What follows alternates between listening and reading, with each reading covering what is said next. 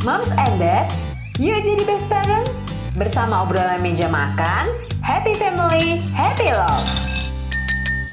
Hai moms dan dads, kembali lagi di tips dan trik mengenai dunia parenting dan rumah tangga yang dilansir dari tiga artikel terbaik nakita.id minggu ini bersama aku Ana. Tiga topik yang akan dibahas di episode ini adalah faktor penyebab bersin di pagi hari, cara supaya anak cepat bicara, dan cara cepat hamil bagi pasangan baru. Tapi sebelumnya, moms dan dads jangan lupa untuk follow dan beri rating terbaiknya untuk podcast obrolan meja makan di Spotify ya. Nyalakan juga notifikasinya supaya moms dan dads bisa terinfo setiap ada episode terbaru yang tayang setiap Senin dan Kamis.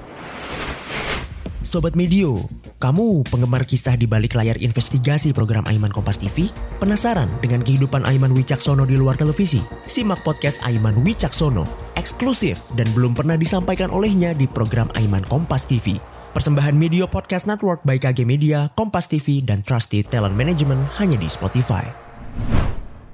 Topik pertama, bersin di pagi hari mungkin dialami oleh hampir semua orang. Kita tentu bertanya-tanya, hal apa sih yang menyebabkan bersin di pagi hari? Nah, ada beberapa faktor yang dapat memicu hal ini. Yang pertama, alergi musiman. Secara medis nih disebutnya rinitis alergi. Ini menyebabkan hipersensitivitas terhadap tungau debu rumah, bulu hewan, dan spora jamur. Bahkan bisa menjadi reaksi alergi terhadap bantal atau tempat tidur. Faktor pemicu bersin di pagi hari lainnya bisa dikarenakan paparan udara kering yang terlalu lama karena AC atau ruangan yang kering. Selain itu, sinusitis atau sinus juga dapat memicu bersin di pagi hari loh. Tidak hanya itu, paparan cahaya terang atau matahari juga bisa menjadi faktor yang dapat memicunya. Kemudian, bersin di pagi hari juga dapat disebabkan oleh rinitis vasomotor. Apa sih itu rinitis vasomotor? Rinitis vasomotor yakni peradangan pada selaput di dalam hidung. Moms yang mengalami rinitis vasomotor sering menyebabkan bersin setelah perubahan suhu atau perubahan aktivitas kekebalan tubuh saat tidur.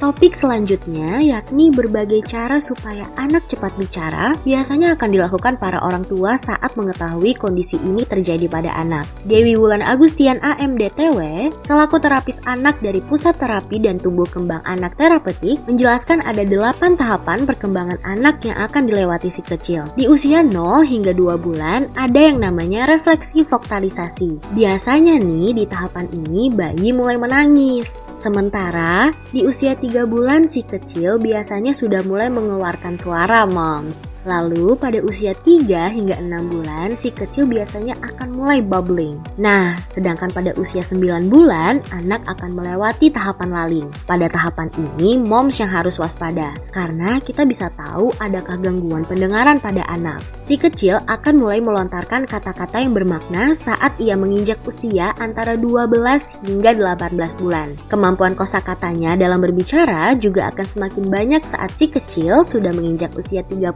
hingga 36 bulan. Cara supaya anak cepat bicara selanjutnya yang bisa moms lakukan di rumah adalah dengan memperbanyak komunikasi serta berinteraksi secara langsung dengan si kecil ya. Dan yang terakhir, cara cepat hamil menjadi hal yang paling diinginkan pasangan yang baru menikah. Meskipun kehamilan adalah proses yang alami terjadi, namun bukan berarti moms tak melakukan apa pun untuk bisa segera hamil ya. Ada beberapa cara yang dapat moms perhatikan nih. Yang pertama, pemeriksaan prakonsepsi. Saat pemeriksaan, moms bisa tanyakan kepada dokter soal vitamin prenatal apa saja sih yang memiliki kandungan asam folat yang dapat membantu menghindari kondisi cacat lahir si kecil saat dilahirkan nanti. Cara cepat hamil selanjutnya adalah dengan memahami siklus menstruasi. Apabila sudah memahami siklus menstruasi, maka moms bisa memperkirakan kapan sih waktu subur yang baik untuk bisa segera hamil. Jangan khawatirkan posisi seks terbaik ya moms, karena sayangnya cara cepat hamil dengan hal itu tidaklah benar. Sebab hingga kini tidak ada bukti ilmiah yang benar-benar menunjukkan posisi misionaris dapat membantu meningkatkan peluang untuk segera memiliki si kecil. Nah, sekian episode Dunia Parenting kali ini. Tungguin tips dan trik selanjutnya ya. Jangan lupa juga follow Instagram kami di @nakitaid dan @medio. Sampai jumpa di episode berikutnya moms dan dads. Thank you for listening moms and dad. See you on the next episode. Happy family, happy love.